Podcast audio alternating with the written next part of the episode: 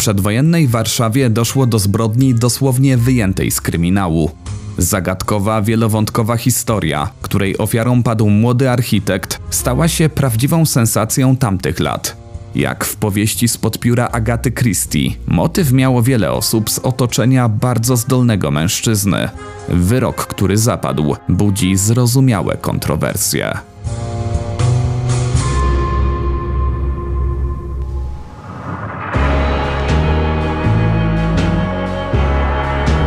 Przedwojenna kronika kryminalna. Zapraszam, Kamil Barnowski.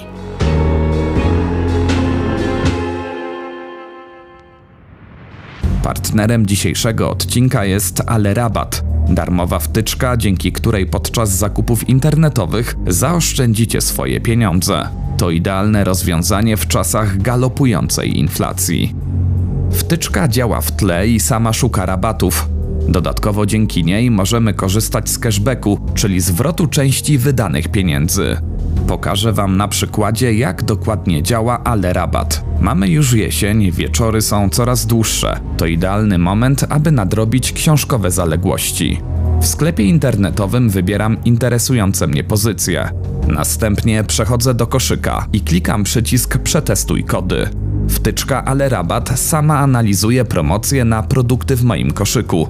W tym wypadku zaoszczędzę prawie 20 zł i wróci do mnie cashback, który będę mógł wypłacić. Oczywiście Ale Rabat działa w setkach najpopularniejszych sklepów internetowych.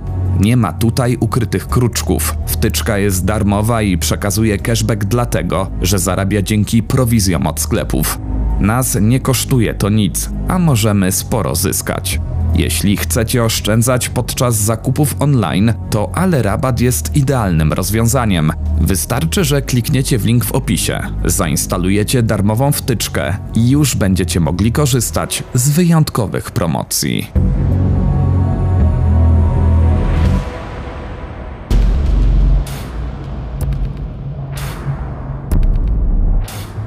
Jeszcze w XIX wieku Ignacy, czyli Nestor rodu Gierszewskich, postawił fundamenty pod sukcesy kolejnych pokoleń. Jako budowniczy wspólnie z żoną mógł się poszczycić dworem w prestiżowym Konstancinie, a także dwoma utalentowanymi synami. Jeden z nich, Roman, ukończył szkołę handlową imienia Kronenberga i w 1904 roku stanął na ślubnym kobiercu.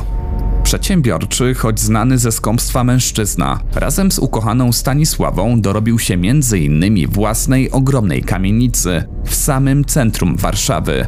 Czteropiętrowy budynek, który do dziś można podziwiać przy ulicy Lwowskiej 8, wyposażono w windę i w dużej części przeznaczono na wynajem.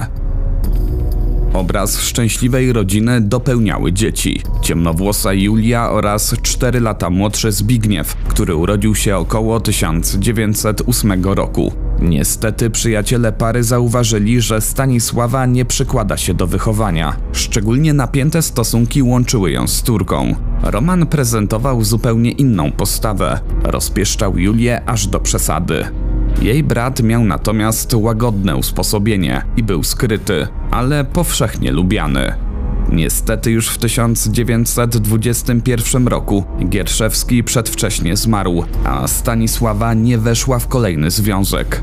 Przed ołtarzem stanęła za to jej 18-letnia córka, która poślubiła adwokata Wiesława Kucharskiego, Według słów pani młodej, tuż przed ceremonią matka pisała wrogie anonimy do przyszłego zięcia. Tak czy siak, wysoki, łysiejący blondyn wprowadził się do kamienicy jako obiecujący mecenas z własną kancelarią.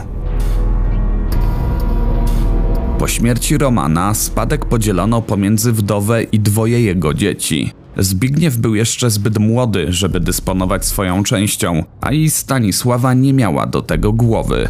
Rodzina powierzyła więc opiekę nad majątkiem Julii, która wydawała się rozsądną gospodynią z wykształconym mężem u boku. Bliscy wierzyli, że wszelkie operacje odbędą się legalnie, a ich pieniądze pozostaną bezpieczne. Pani Gierszewska w zamian za przekazanie aktywów miała dożywotnio dostawać alimenty. Na początku wszystko toczyło się zgodnie. Niestety z biegiem lat kucharska zmieniła się na gorsze. Kobieta we wszystkim ulegała ukochanemu, który dorobił się etykietki gnuśnego i wygodnickiego tchórza. Wiesław zamiast sumiennie przekładać się do pracy w szanowanym zawodzie wolał zabawę, więc troska o utrzymanie spadła na barki młodej żony. Międzywojenni dziennikarze przyznali. Adwokat kucharski myślał raczej o ostrygach i Monte Carlo. I w ogóle miał życiowe nastawienie o charakterze restauracyjno-brydżowym. Julia na szczęście otrzymywała duże zyski z wynajmu mieszkań w kamienicy. Gra w karty, wystawne przyjęcia, samochody i zagraniczne wojaże były kosztowne, ale zaspokajały snobizm małżonków. Tymczasem Zbigniew wydoroślał i został słuchaczem architektury Politechniki Warszawskiej.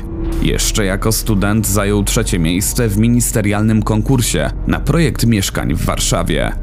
Po uzyskaniu dyplomu, przystojny inżynier postanowił zwiedzić najważniejsze stolice Europy. Dzięki temu w 1934 roku znalazł się w Berlinie, gdzie poznał śliczną, 18-letnią Charlotte. Gierszewski świetnie znał język niemiecki, więc bez trudu nawiązał z nią kontakt. Dziewczyna była co prawda już zaręczona, ale zaledwie trzy miesiące po pierwszym spotkaniu na fali gwałtownego uczucia wyszła za Zbigniewa i postanowiła wyjechać z nim do Polski. Mężczyzna chciał odebrać należny mu majątek i zacząć działać w zawodzie. Czekało go jednak przykre zaskoczenie. Okazało się, że kucharscy bez skrupułów okradali krewnego z zysków. W toku późniejszego postępowania wyszło na jaw, że Wiesław posunął się też do oszukania wujka swojej żony, a nawet do wykorzystania naiwności ponad 80-letniej babci Gierszewskiej. Mecenas nakłonił Nestorkę do podpisania aktu notarialnego, dzięki któremu zaciągnął pożyczkę pod hipotekę willi w Konstancinie na niemal 15 tysięcy złotych. Staruszka nigdy nie zobaczyła wpłaconej sumy. Żaliła się, że tak naprawdę nie wiedziała, co zatwierdziła. Zniesmaczona podstępnym zachowaniem, aż trzy czwarte swojego majątku przekazała wnukowi. Bezdzietne małżeństwo kucharskich było już wówczas w rozsypce. Wydaje się, że jedyne spoiwo, które wciąż trzymało je razem, stanowiła nieposkromiona namiętność do pieniędzy. Architekt, wiedząc, że parze brak wszelkich skrupułów, postanowił jak najszybciej wymiksować się ze wspólnych interesów. Zażądał sprzedaży kamienicy, nawet ze stratą. Chciał zatrzymać w niej tylko jedno mieszkanie dla siebie, żony i matki, które miało dwa wejścia główne oraz tylne przez kuchnię.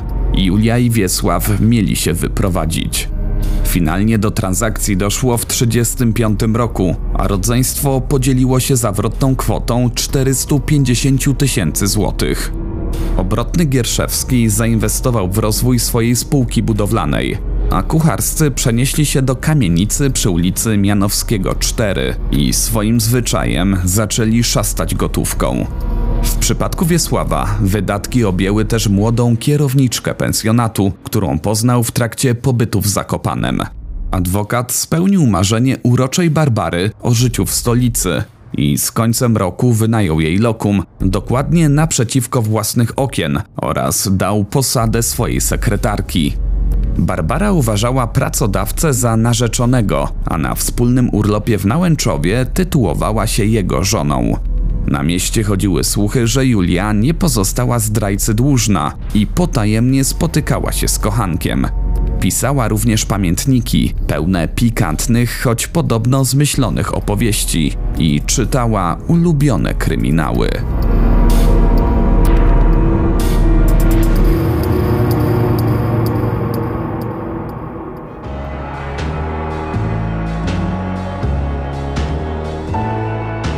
W rodowej kamienicy przylwowskiej życie też odbiegało od powszechnie przyjętego modelu. Kryzys w Związku Gierszewskich pojawił się już po roku wspólnego pożycia. Młoda żona i jej teściowa nie darzyły się sympatią, trudno było im razem funkcjonować.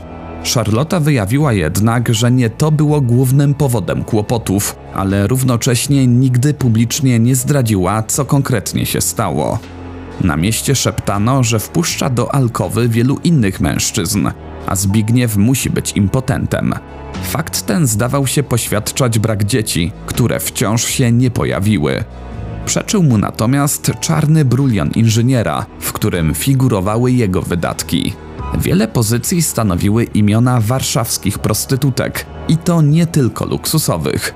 Bywało, że kobiety okradały Gierszewskiego, a on i tak bawił się z nimi w lokalach, a nawet zapraszał na noc do domu. Spotkaniom często towarzyszył alkohol, którym architekt raczył się do tego stopnia, że na drugi dzień wstawał kompletnie pijany. Kiedy jednak zasiadał przy biurku, zatapiał się w pracy. W wolnych chwilach chętnie odwiedzał kolegów z branży, ale na wszelkie spotkania zawsze przybywał sam, co zwracało uwagę i podsycało pogłoski o fatalnej kondycji małżeństwa. Mimo to Zbigniew próbował ratować związek, projektując sześcioosobową willę tylko dla siebie i Charloty. Póki co w kamienicy buzowały toksyczne emocje. Napiętej sytuacji przyglądała się młoda służąca Maria, na której głowie były praktycznie wszelkie domowe obowiązki. Jedynie czystością ubrań zajmowała się praczka. Kucharscy też mieli pomocnicę, która podobnie jak odpowiedniczka w ciszy obserwowała farsę zwaną małżeństwem. Do wzajemnych pretensji Julii i Wiesława dołączyły ogromne kłopoty finansowe. O ile w 1936 roku mogło się jeszcze wydawać, że para potrafi robić dobre interesy, bo kupiła i z zyskiem sprzedała nieruchomość, tak w kolejnych latach nikt nie miał już złudzeń.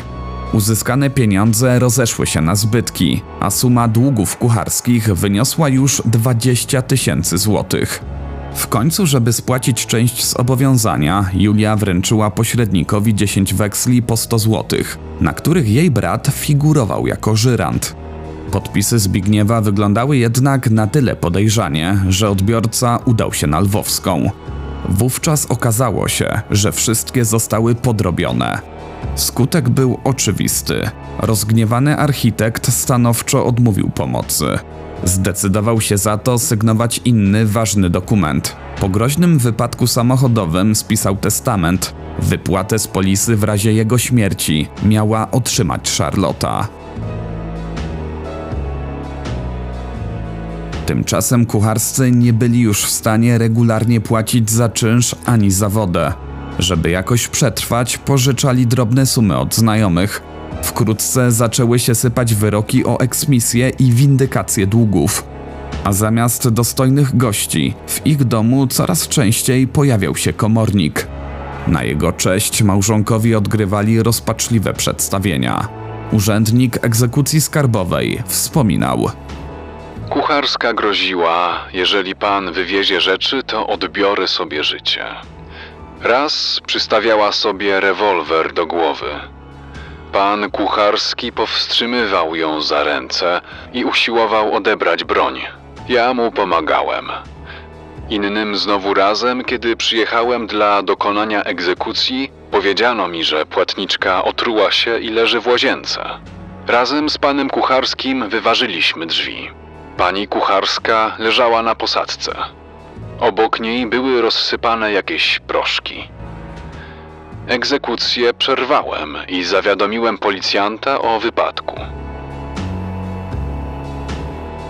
Małżeństwem pary również targały dramaty. W 1937 roku zdarzyło się, że Wiesław wyrzucił Julię z mieszkania, więc ta musiała doczekiwać rana w noclegowni dla kobiet.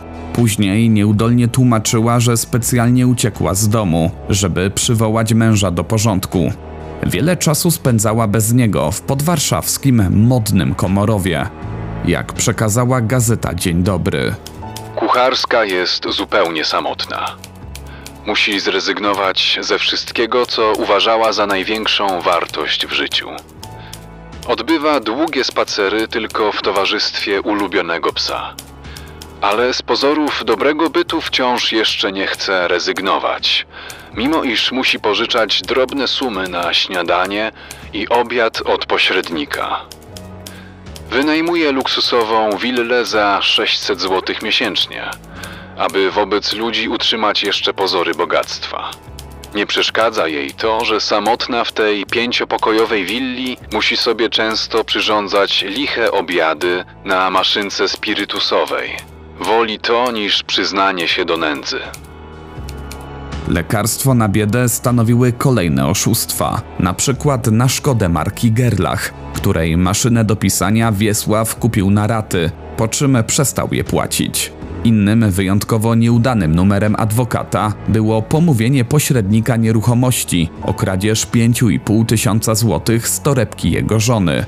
Mężczyzna do niczego się nie przyznał, więc sprawa trafiła na policję, a nieszczęśnik prosto za kraty. Wobec braku jakichkolwiek dowodów wypuszczono go po dwóch dniach pobytu za kratami. Finalnie prokurator oskarżył Wiesława o złożenie fałszywego zawiadomienia, więc mecenasa czekał własny proces.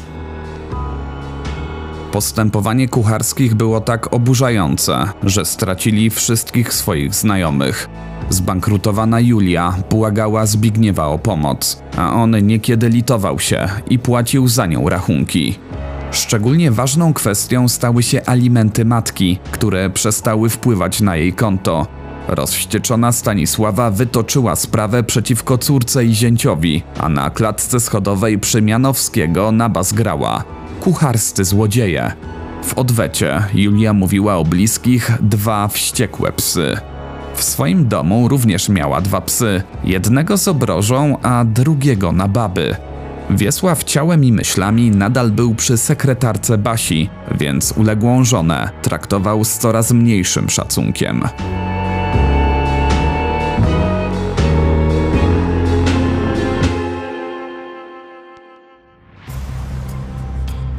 Końcu zdesperowana kucharska zrealizowała bezczelny pomysł podwójnej sprzedaży swojej części willi w Konstancinie. Od pewnego klienta pobrała 10 tysięcy złotych zadatku, a następnie na tej samej nieruchomości powtórzyła operację z bratem i wzięła od niego 5 tysięcy złotych.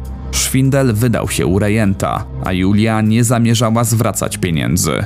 Wściekły Gierszewski skierował sprawę do sądu, który zdecydował o licytacji obiektu, a jej datę wyznaczył na 5 października 1938 roku. Z otrzymanej kwoty architekt miał dostać swoją większą część i odzyskać wyłudzoną sumę. Jakby zawirowań było mało, na początku wakacji Charlotta wyprowadziła się na ulicę Narbuta, jej służąca każdego ranka musiała się udawać na Lwowską, gdzie za pośrednictwem Marii przyjmowała 5 lub 10 zł od Zbigniewa na niezbędne wydatki. Mężczyzna zapewne wiedział, że do urodziwej Niemki bardzo często zachodził pewien porucznik. Co więcej, wojskowy zwierzał się kolegom z zamiaru poślubienia kochanki. Oczywistą przeszkodą pozostawał jej mąż, który ani myślał się rozwodzić. Co ciekawe, choć Gierszewscy żyli w separacji i wzajemnie się zdradzali, wciąż regularnie spotykali się w kawiarniach. Z dużo mniejszym entuzjazmem Zbigniew widywał się z siostrą. Niestety sprawa o alimenty mogła zszargać rodowe nazwisko, dlatego najlepszym rozwiązaniem była wcześniejsza ugoda. Julia obiecała porozmawiać o niej z bratem we środę 28 września, około godziny 18. Słowa nie dotrzymała, co nikogo zbytnio nie zdziwiło. Zapowiedziała natomiast, że na Lwowskiej pojawi się nazajutrz o 10 rano. Gierszewski odnotował to zarówno w terminarzu, jak i w kalendarzu kieszonkowym. O wizycie kucharskiej uprzedził też swoją służącą oraz matkę, która w takich wypadkach, nie chcąc spotykać się z wyrodną córką, wychodziła na spacer. Wieczorem poprosił też pracownika, żeby kolejnego dnia przyjechał do niego i sprawdził skomplikowane rachunki. Następnie w luźnej i przyjaznej atmosferze spędził czas z dwoma dobrymi kolegami. We czwartek 29 września architekt wstał już o 6 rano, po czym w dobrym nastroju zjadł śniadanie i jak zwykle przekazał Marii drobne na wydatki dla Charloty. Po chwili udał się do banku, gdzie ze wspólnikiem wypłacił 20 tysięcy złotych i od razu przelał je na rachunki dostawców. Zanim się pożegnał i wrócił do domu, uzgodnił ponowne spotkanie o 13. Już około 9.30 Zbigniew był w swoim gabinecie, oczekując na siostrę. Ta jednak ciągle się nie pojawiała. Zamiast niej do kamienicy wstąpiła służąca jego żony, która później zeznała. Przyszłam do mieszkania inżyniera Gierszewskiego około dziesiątej. Otworzył mi pan Gierszewski od frontu i kazał iść do kuchni, gdzie służąca Maria wręczy mi zostawione już u niej dla mnie pieniądze. Kazał zamknąć za sobą drzwi stołowego pokoju i wyjść kuchnią.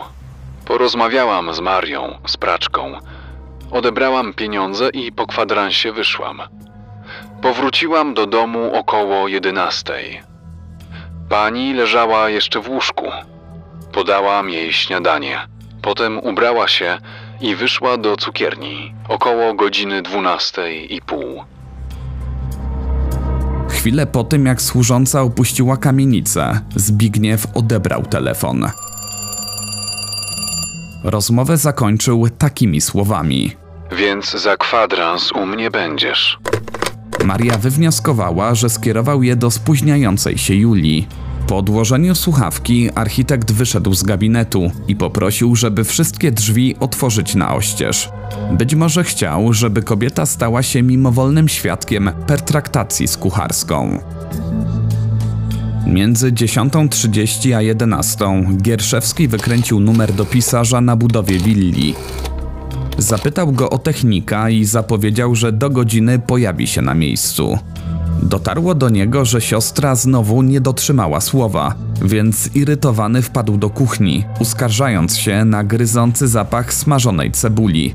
Następnie sam pozamykał wszystkie drzwi.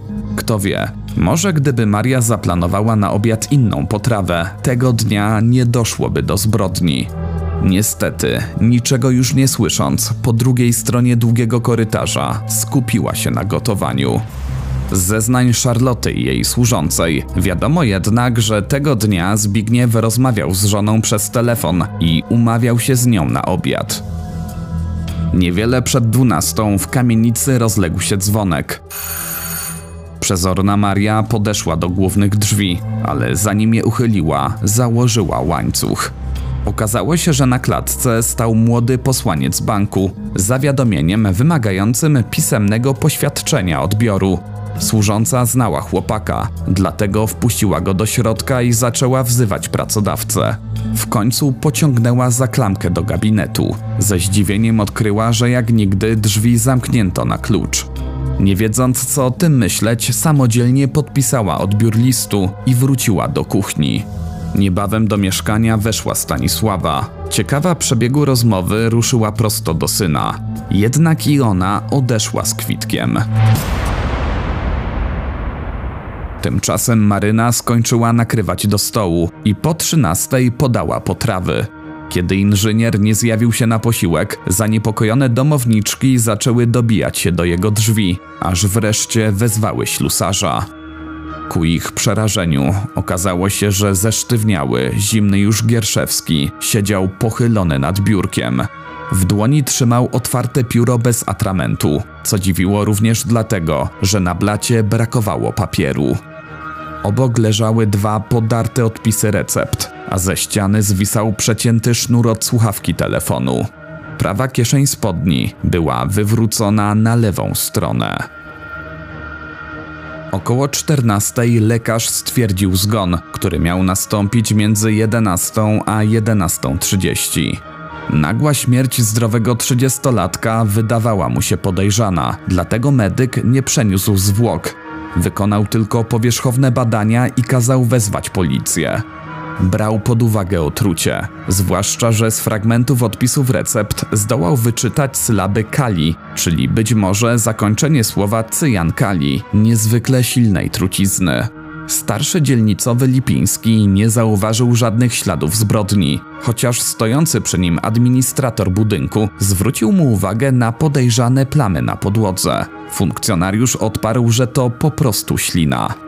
Na ciele nie było widocznych ran, więc sugerując się opinią lekarza, policjant orzekł, że Denat prawdopodobnie targnął się na swoje życie za pomocą trucizny. Przecięcie przewodu telefonicznego, co prawda przez pomyłkę nie tego co trzeba, miało zapobiec alarmowaniu domowników. Brak portmonetki, a przede wszystkim klucza do drzwi samobójcy, nie odwiodły mundurowego od wydania zgody na pochówek bez przeprowadzenia sekcji zwłok. Bliscy architekta byli zszokowani, bo Zbigniew pozostawał wesoły, w dobrej formie i miał plany na przyszłość. Nie wierzyli w ustaloną wersję, a zrozpaczona Stanisława wprost powiedziała Lipińskiemu, że to jej własna córka zabiła swojego brata za namową męża. Około 15 do gabinetu weszła rozhisteryzowana Charlota, a nieco później kucharska. Prasa przytoczyła rozmowę, jaką Julia nawiązała ze służącą. Jak to? Marysia była cały czas w mieszkaniu i nie wie, co się stało? Przecież to pani powinna była wiedzieć. Dzwoniła pani do pana, że przyjdzie o 10 rano. Ja? Skąd? Byłam w Komorowie. Dopiero teraz wróciłam. Faktycznie, tego dnia kobietę do Warszawy przywiózł zaalarmowany mąż. W trakcie oględzin kucharska zwracała jednak uwagę dziwnym zachowaniem. Ciągle się kręciła, przeszkadzała, chciała podejść do zwłok, aż dzielnicowy stracił cierpliwość i kazał ją wyprowadzić. Jeszcze tego samego wieczoru Julia zadzwoniła do adwokata, żeby powiadomić go o zagadkowej śmierci brata i zapytać, czy wdowa będzie po nim dziedziczyć. Dowiedziała się, że zgodnie z ówczesnym prawem Charlotta otrzyma jedną czwartą z pozostawionych 300 tysięcy złotych, podobnie jak matka. Kucharska jako siostra miała dostać aż połowę. Tymczasem Niemka udała się do szkolnego kolegi męża, który był zaufanym lekarzem. Uprosiła mężczyznę o przysługę, czyli wydanie orzeczenia o złym stanie psychicznym pacjenta. W innym przypadku władze kościelne nie pozwoliłyby na chrześcijański pochówek samobójcy, więc zaświadczył o zaburzeniach materii Zbigniewa, które mogły powodować depresję.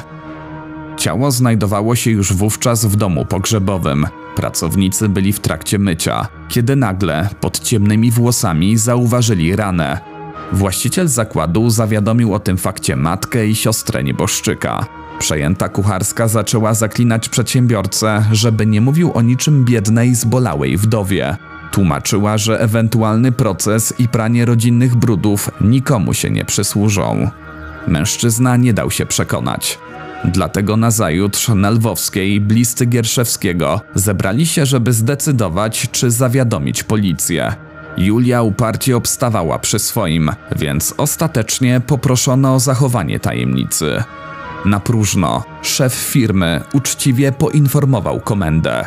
Wówczas matka i żona zmarłego złożyły skargę do prokuratora, twierdząc, że Zbyszka zamordowała jego własna siostra.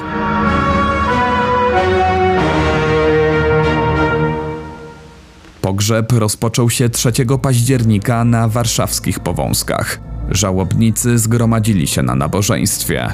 Jednak nie zdążyli odprowadzić zmarłego do grobu. Prokurator w ostatniej chwili przerwał pochówek i zarządził przewiezienie zwłok na badania. Kucharska wybuchła głośnym płaczem, a panie Gierszewskie chwyciły się pod rękę. Wieczorem rodzina znów zebrała się razem, ale rozmowy przerwał telefon. Odebrała Charlota. Kobiecy głos zakomunikował. Wiem, że kucharska znajduje się obok pani. Zawiadamiam, że Gierszewskiego zabiła kucharska, wbrew przekonaniu, że to zrobił adwokat kucharski. On tylko pomagał żonie. Widziano ją, jak wchodziła i wychodziła. Zjawię się na rozprawie sądowej i to stwierdzę. Niech pani się strzeże, bo pani może zostać zabita. Niemka nie była pewna, kto dzwonił, jednak głos w słuchawce wydawał się znajomy. Skojarzyła go z kochanką Wiesława, sekretarką Basią.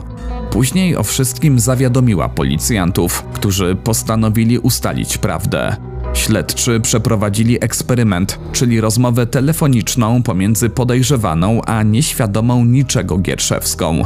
Niestety sekretarka wbrew poleceniu od razu zaczęła przekonywać wdowę, że to nie ona wtedy dzwoniła, rujnując sens badania. W międzyczasie nadeszły wyniki analiz lekarskich. Nowiny codzienne przekazały. Sekcja zwłok wykazała niezbicie, że Gierszewski zginął od kuli rewolwerowej. Strzał oddany był z tyłu z odległości przypuszczalnie 10-15 cm. Jednocześnie badanie chemiczne organów wewnętrznych nie wykryło w organizmie żadnych trucizn. Po ujawnieniu tych okoliczności obalających hipotezę samobójstwa, władze śledcze podjęły energiczne dochodzenie.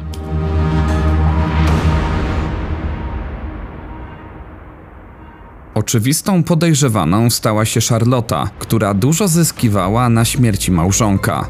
Oprócz części ogromnego spadku, w jej posiadanie weszły też pieniądze z polisy na życie oraz możliwość ponownego ślubu bez przeprowadzenia rozwodu. Kobieta wiedziała już wówczas, że jest w ciąży. Miała jednak solidne alibi i nigdy nie dysponowała bronią. Zabójstwo z rąk przestępców, którzy myśleli, że Gierszewski zabrał wypłacone z banku pieniądze do domu, wydawało się mało prawdopodobne. Tak samo jak mord za sprawą okradających go prostytutek. Uwaga śledczych skoncentrowała się więc na znienawidzonych przez wszystkich kucharskich. Małżonków przesłuchano osobno. Dzięki temu w ich zeznaniach pojawiło się wiele rozbieżności. Julia zapewniała, że w jej domu nigdy nie było rewolweru, natomiast Wiesław zdradził, że ma pistolet systemu Browning FN, ale obecnie znajduje się on w mieszkaniu jego sekretarki.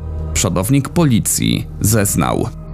Udałem się więc do mieszkania pani Barbary. Z początku nie odpowiadała na moje pytania, chcąc porozumieć się telefonicznie z kucharskim. Gdy przystąpiłem do rewizji, Barbara wskazała mi, że rewolwer jest w kieszeni jej płaszcza. Powiedziała, że zabrała go kucharskiemu z szuflady dla żartu. Na temat tego żartu rozmawialiśmy dobre trzy godziny. Wkrótce wyszło na jaw, że latem Julia oddała broń do rusznikarza. Po wymianie lufy zabrała ją z zakładu na kilka dni przed śmiercią Gierszewskiego. Mieszkańcy Komorowa przyznali, że widzieli jak adwokat uczył żonę strzelać. Ta, kiedy tylko dowiedziała się o znalezieniu narzędzia zbrodni, zaczęła zrzucać winę na Barbarę. Według jej relacji sekretarka chciała wrobić rywalkę w zabójstwo, żeby przyspieszyć rozwód swojego kochanka. Oskarżana w przeciwieństwie do Julii miała jednak niepodważalne alibi. Z biegiem czasu na komendzie pojawili się kolejni ważni świadkowie. Pewien szemrany zegarmistrz twierdził, że pamiętnego dnia przed południem wybrał się na Lwowską do klienta, a pod bramą numer 8 zapalił papierosa. Nagle wyskoczyła z niej kobieta, która wyglądała jakby ktoś ją gonił. Na okazaniu mężczyzna bezbłędnie zidentyfikował ją jako kucharską. Intrygujących informacji dostarczył też pewien adwokat, który przeglądał książki zarekwirowane Julii. W jednej z nich znajdowała się charakterystyczna ilustracja. Prawnik zobaczył mordercę, który stał za krzesłem z dymiącym rewolwerem. Przed nim z ręką opartą o biurko siedziała zabita ofiara. Jakby wyjęta z kart powieści kryminalnej, chciwa kucharska została oskarżona o zabójstwo brata. Według prokuratury w trakcie wizyty kobieta miała poprosić o możliwość skorzystania z telefonu, który wisiał po lewej stronie biurka, żeby zajść Zbigniewa od tyłu. Gazeta Dzień Dobry przekazała rekonstrukcję dalszych wydarzeń. Morderstwo zostało już popełnione. Inżynier Gierszewski nie żyje. Morderczyni spogląda na zegarek. Nie ma jeszcze godziny dwunastej. I wówczas postanawia uniemożliwić dokładne ustalenie czasu popełnienia zbrodni. Chodzi o to, by zgon architekta odkryto możliwie najpóźniej. Obok biurka znajduje się telefon. Może w każdej chwili zadzwonić. Sygnały posłyszałaby służąca. Przyszłaby się przekonać, dlaczego architekt nie podnosi słuchawki.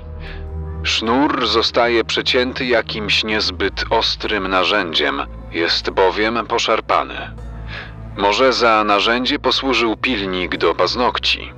Teraz morderczyni opuszcza pokój niezauważona przez nikogo. Zamyka drzwi na klucz i zabiera go ze sobą. Wprost z mieszkania przy ulicy Lwowskiej morderczyni udaje się na stację EKD przy ulicy Nowogrodzkiej. Wsiada do pociągu odchodzącego o godzinie 12.05. O godzinie 12.43 jest już w Komorowie. O 13.00 widzą ją sąsiedzi.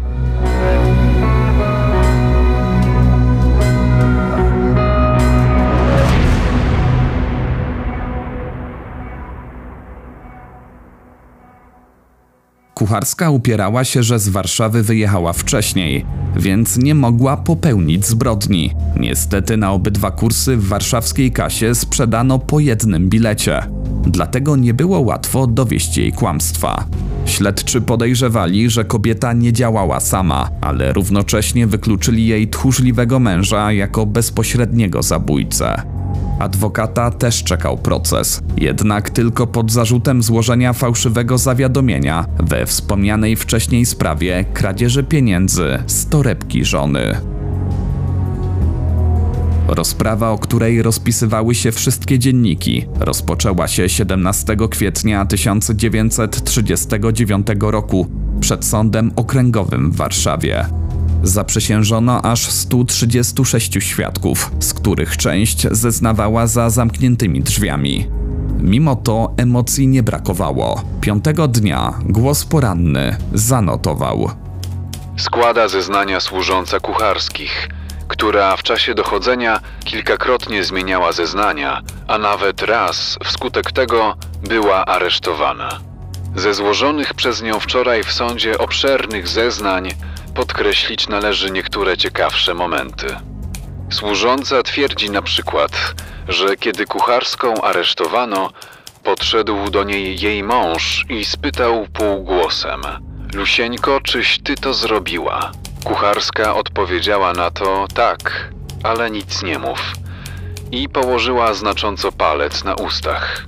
Dalej świadek twierdzi, że kiedy dokonywano rewizji w mieszkaniu przy ulicy Lwowskiej, kucharska oświadczyła w pewnym momencie, to ta szwabica zeznaje. To jest powód rewizji. Wreszcie świadek twierdzi, że 29 września, kiedy kucharska wróciła do domu, potwierdziła, że Gierszewski popełnił samobójstwo wskutek tego, że został zarażony chorobą weneryczną przez żonę. Siódmy dzień procesu przyniósł niemałą sensację. Okazało się, że do pogrążenia Julii przyczynił się jej mąż. Przed sądem pojawiła się osoba, która kupiła kredens kucharskich i znalazła w nim klucz do zamka typu Yale. Świadek powiadomił o tym Wiesława, który musiał od razu zawiadomić śledczych, bo 15 minut później do nabywcy zadzwonił prokurator. Odkryty przedmiot był ważnym dowodem w sprawie, ponieważ tłumaczył, jak oskarżona niepostrzeżenie dostała się do kamienicy. Wciąż miała własny klucz do głównych drzwi. Ogromne wrażenie zrobiła też opinia biegłych, którzy badali kulę wyjętą z głowy ofiary. Ekspertyza dokonana za pomocą mikroskopu z 90% pewnością dowiodła, że pocisk został wystrzelony z rewolweru Wiesława. Prokurator Furstenberg grzmiał. W czasie całego przewodu sądowego miałem wrażenie, że stąpamy po moralnym trzęsawisku. Sprawa dotyczy środowiska bardzo nam bliskiego strefy inteligenckiej. Oskarżeni posiadali wyjątkowe warunki do uczciwego życia, cenzus wykształcenia, zamożność. Wykorzystywali jednak to wszystko bez skrupułów i bez wahania dla własnej, źle pojętej korzyści, dla krzywdy innych. Nikt ze świadków składających przed sądem zeznania nie wydał kucharskim dobrej opinii. Oni też o nikim dobrze nie mówią, do wszystkich mają pretensje. Gęste i długie pasmo krzywdy ludzkiej ciągnie się za nimi jak ogon za kometą. W czasie przewodu sądowego przerzucają tchórzliwie odpowiedzialność za swe czyny jedno na drugie. Ich czyny wskazują na to, że cierpią na coś w rodzaju atrofii moralnej, którą starali się zamaskować parawanem dobrych manier. On dodawał do tego wszystkiego tchórzostwo i brak odpowiedzialności. Trzeba było dopiero strzału rewolwerowego, aby zajrzeć za ten parawan.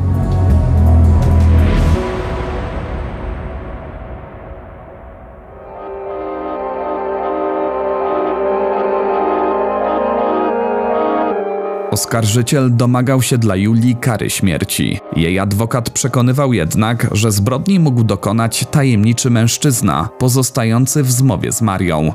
Zakochana służąca miała wpuścić szantażystę do mieszkania przez kuchnię.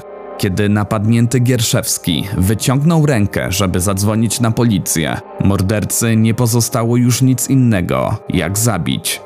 10% szansy, że strzał nie padł z rewolweru Wiesława, rzucało na wersję prokuratora całkiem duży cień niepewności. Wyrok zapadł 5 maja 1939 roku. Kucharska za fałszerstwa i zabójstwo brata otrzymała łączną karę 15 lat więzienia. Jej mąż, sądzony za złożenie fałszywych zeznań w sprawie oszustwa, miał spędzić półtora roku za kratami. Zaledwie trzy dni później Charlotta poroniła dziecko i próbowała popełnić samobójstwo, zażywając dużą ilość środka nasennego. Jej niewierny mąż spoczął w rodzinnym grobowcu na cmentarzu powązkowskim w Warszawie. Ponieważ akta sprawy spłonęły, wszelkie informacje o morderstwie architekta można znaleźć tylko w przedwojennej prasie. Dwutygodnik Nowe Życie podsumował. Przerażająca pustka duchowa. Brak jakichkolwiek zainteresowań intelektualnych. Ślepy zwierzęcy egoizm. Wszystkie te cechy składają się na obraz egzystencji grupy pasożytniczej, oderwanej od żywego nurtu procesów dziejowych, hermetycznie zamkniętej dla powiewów ze świata. Poczucie bezwartościowości człowieka i niewolnicza, upokarzająca zależność od warunków materialnych, charakteryzuje tych płytkich i biernych konsumentów życia, których wiatr dziejów zmiecie z powierzchni jak suche badyle. Faktycznie, na gwałtowny podmuch historii nie trzeba było długo czekać. Julia Kucharska od swojego wyroku odwołała się już w czasie okupacji. W 1940 roku sąd apelacyjny zatwierdził orzeczenie pierwszej instancji. Jakie były dalsze losy kobiety? Niestety nie wiadomo.